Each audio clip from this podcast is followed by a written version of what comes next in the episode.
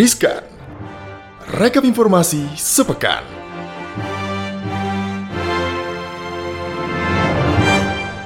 Hai Sobat Cuan, ketemu lagi kita ya di segmen Riskan, rekap informasi sepekan. Gimana?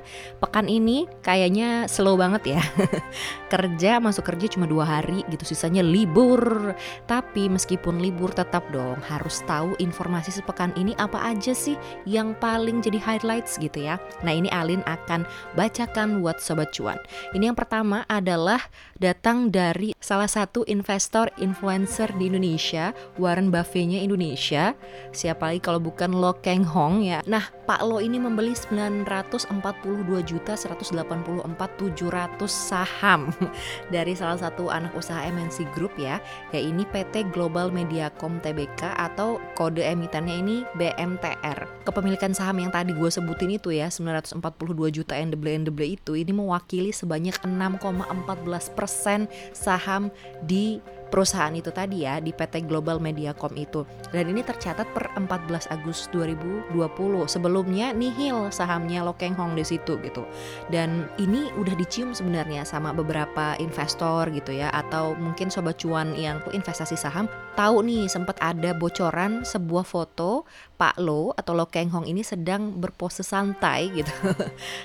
Di belakang gambar kutipan quote gitu ya dari chairman MNC Group Haritanu Sudibyo. Dan ini membuat harga saham grup MNC pekan lalu tuh sempat terbang gitu foto Pak Lo sambil ada quote-nya Haritanu gitu ya. Ini bikin saham MNC terbang gitu baru kayak gitu doang. Nah apa kabar nih ketika Pak Lo membeli saham BMTR ya Jadilah itu semua orang berlomba-lomba untuk beli saham BMTR ini juga gitu. Kenapa? Karena Lo Keng Hong ini ini jadi salah satu investor yang terkenal kalau dia itu tipenya adalah value investing atau dia menilai investasi berdasarkan nilainya gitu.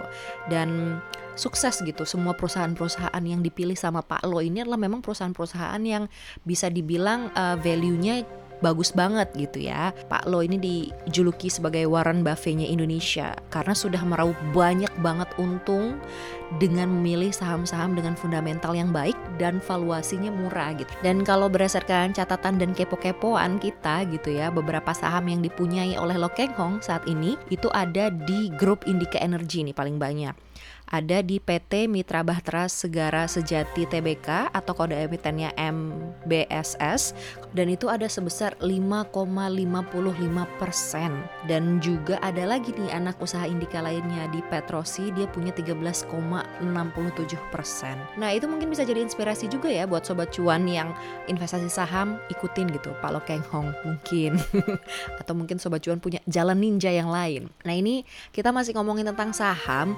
sama nih kalau tadi kan adalah Warren Buffett-nya Indonesia gitu ya yang bisa membuat saham BMTR dan juga saham MNC Group langsung terbang gitu ya gara-gara clue dari dia gitu atau aksi yang dia lakukan juga gitu. Nah ini ada Warren Buffett beneran yang ternyata membuat harga emas dunia itu melonjak naik. Nah ini Warren Buffett tercatat lewat perusahaannya ya Berkshire Hathaway membeli saham perusahaan tambang emas Barrick Gold sebanyak 20,9 juta lembar. Ini adalah salah satu perusahaan tambang emas terbesar di dunia dan ini membuat sentimen pasar pada komoditas emas ini menguat. Jadi investor nih semakin optimis harga emas akan terus melesat naik. Dampaknya ya adalah ya, yaitu aksi beli emas pun kembali terjadi dan nilai emas itu naik. Nah, jadi kalau dilihat gitu ya, kenapa Warren Buffett itu membeli saham perusahaan Barrick Gold ini karena diramal gitu ya kinerja Barrick Gold ini akan cemerlang dan Warren Buffett yakin hal itu gitu karena Warren Buffett ini salah satu tipe value investor gitu. Kinerja cemerlang ini tentunya terkait dengan potensi kenaikan harga emas dunia ke depannya. Nah, para pelaku pasar pun akhirnya kembali memburu emas setelah aksi beli saham Barrick Gold oleh si Warren Buffett ini. Jadi, outlook emas batangan di dalam negeri juga kembali cerah gitu emas dunia juga gitu nah si Warren Buffett ini ternyata selidik punya selidik membeli saham Barrick Gold ini dengan uang yang didapat dari menjual saham-saham perbankan jadi berdasarkan catatan OJK-nya Amerika Serikat gitu ya uh, atau Securities and Exchange Commission. Ini disebutkan bahwa Berkshire Hathaway melego atau menjual saham dari JP Morgan Chase,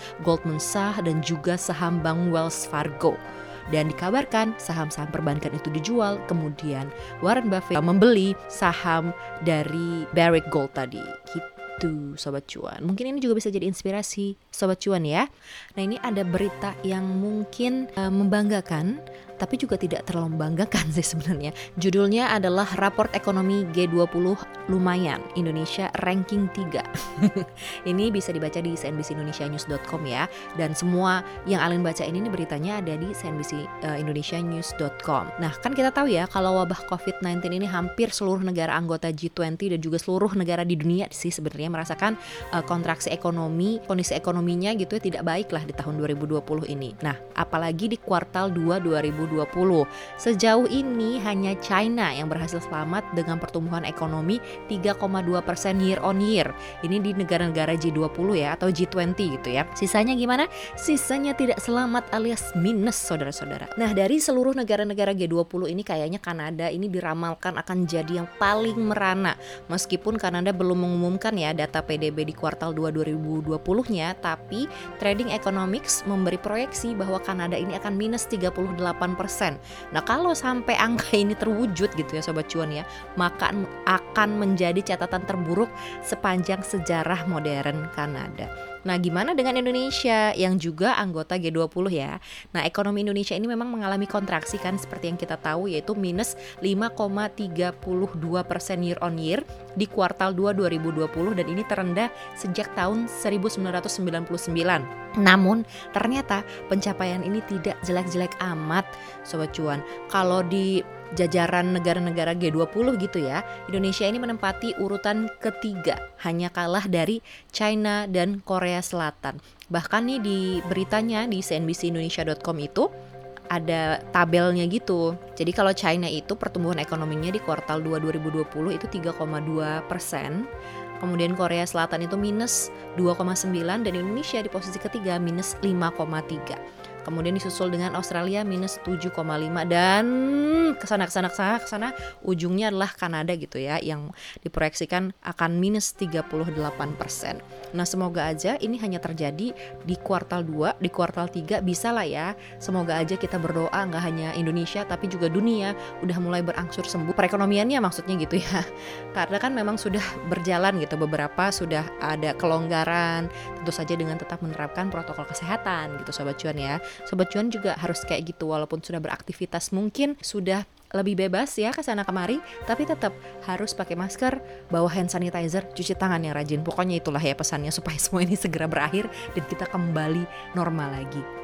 Ini juga yang diharapkan sama orang-orang di Bali Sobat Cuan. Karena ini ada berita judulnya Pintu Bali untuk turis asing dibuka 11 September. Nah ini bener nggak sih? Rencananya memang kayak gitu. Tapi Wakil Gubernur Bali Cokorda Oka Arta Ardana Sukawati menyatakan bahwa pembukaan Pulau Dewata bagi turis asing ini masih tentatif sih gitu dalam penentuan tanggalnya. Mungkin bisa 11 September 2020 mungkin bisa lebih mundur dari itu gitu. Jadi belum pasti. Tapi tapi yang pasti ini uh, masyarakat Bali dan juga pemerintah Bali ini pengennya sih segera dibuka gitu pariwisata di Bali. Karena pariwisata di Bali ini sangat penting bagi perekonomian di Pulau Dewata. Ya kita tahu ya sobat cuan ya, ya Bali memang terkenal sebagai tempat wisata dan juga industri kreatif di sana juga berjalan karena uh, pariwisata gitu ya. Dan ini adalah tempat wisata dunia gitu. Semua semua orang di seluruh dunia tahu Bali bahkan lebih tahu Bali daripada Indonesia gitu ya. Nah ini juga kalau katanya wakil gubernur Bali nih ya bahwa tingkat okupansi hotel di Bali ini turun 99% di Juli 2020 karena corona ini gitu kalau dibandingkan dengan tahun sebelumnya atau year on year. Dan Bali kehilangan pendapatan sekitar 9,7 triliun per bulan gara-gara pandemi COVID-19 ini.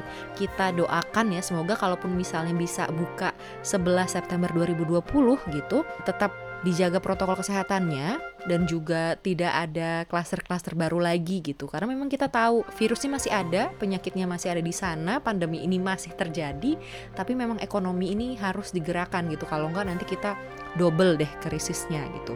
Semoga aja juga vaksinnya cepat ketemu gitu ya sobat cuan ya. Dan ini yang terakhir berita terakhir adalah berita-berita yang paling banyak gitu ya diklik sama para pembaca CNBC Indonesia jadi ini adalah berita sedih sih Sobat Cuan tentang pesawat pertama Republik Indonesia karya B.J. Habibie. Akhirnya dimuseumkan gitu atau berakhir di museum. Jadi nasib pesawat turboprop N250 Gatot Kaca harus berakhir di museum.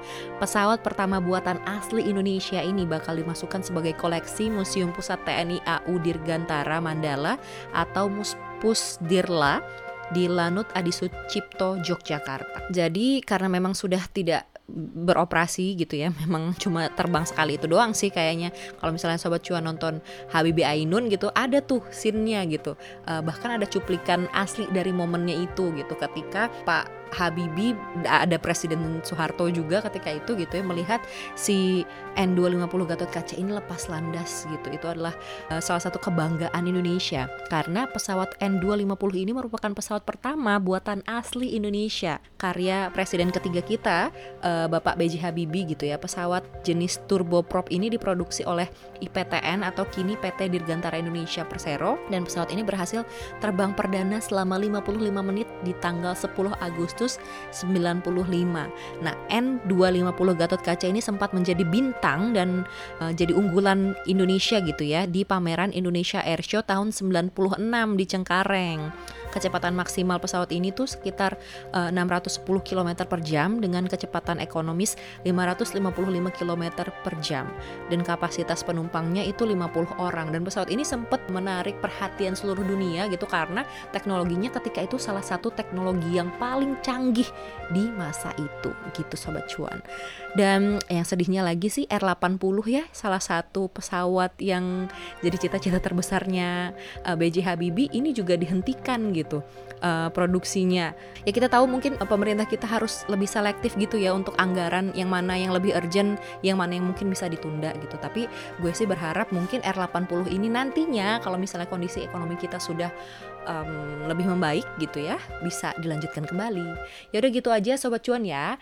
berita-berita uh, yang paling banyak diklik atau paling banyak dibaca di website www.cnbcindonesia.com. Nah, kalau misalnya sobat cuan pengen berita yang lebih banyak, boleh dilihat langsung ya ke website tadi www.cnbcindonesia.com, ke Instagram @cnbcindonesia atau kita juga punya loh Instagram di @cuap_cuan. Segitu aja, selamat melanjutkan liburannya karena masih ada dua hari lagi ya Sabtu sama Minggu. Abis itu Senin. Ah udah kerja lagi.